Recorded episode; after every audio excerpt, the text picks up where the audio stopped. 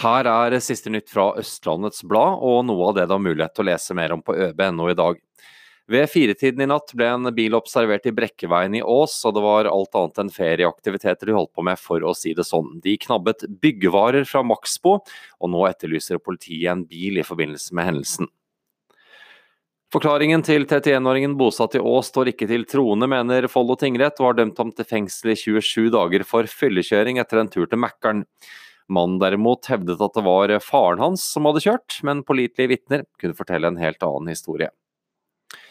Kristine sin familie tar ikke sjansen på å reise med buss uten barneseter. Det gjør sesongen med buss for tog til en utfordring, og slik vil det bli i flere år fremover. Trygg Trafikk reagerer sterkt på historien du kan lese om på øb.no i dag.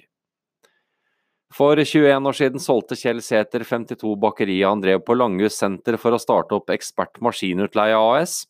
Nå omsetter firmaet for nesten 160 millioner kroner i året.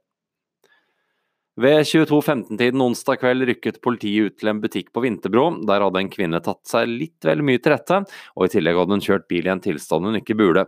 Kvinnen, som er i 50-årene, ble anmeldt eh, for tyveri av varer fra en kolonialforretning, bruk og besittelse av narkotika og kjøring i påvirket tilstand. Ny bomring ved Rema 1000 Kolbotn stopper ikke kundene. Den nye kjøpmannen Eirik Gulbrandsen, 36, er fornøyd med første uke på jobb. Og med en åpen kafé i strandkanten er det mange varme badegjester som vil ha is. Vi har snakket med to som har sommerjobb hos Anne på landet ved Vervenbukta, nemlig kjæresteparet Isak og Anne. Ja, Så kan du også lese historien om 31 år gamle Teresa som hentet bilen på verksted. Da hadde regningen doblet seg.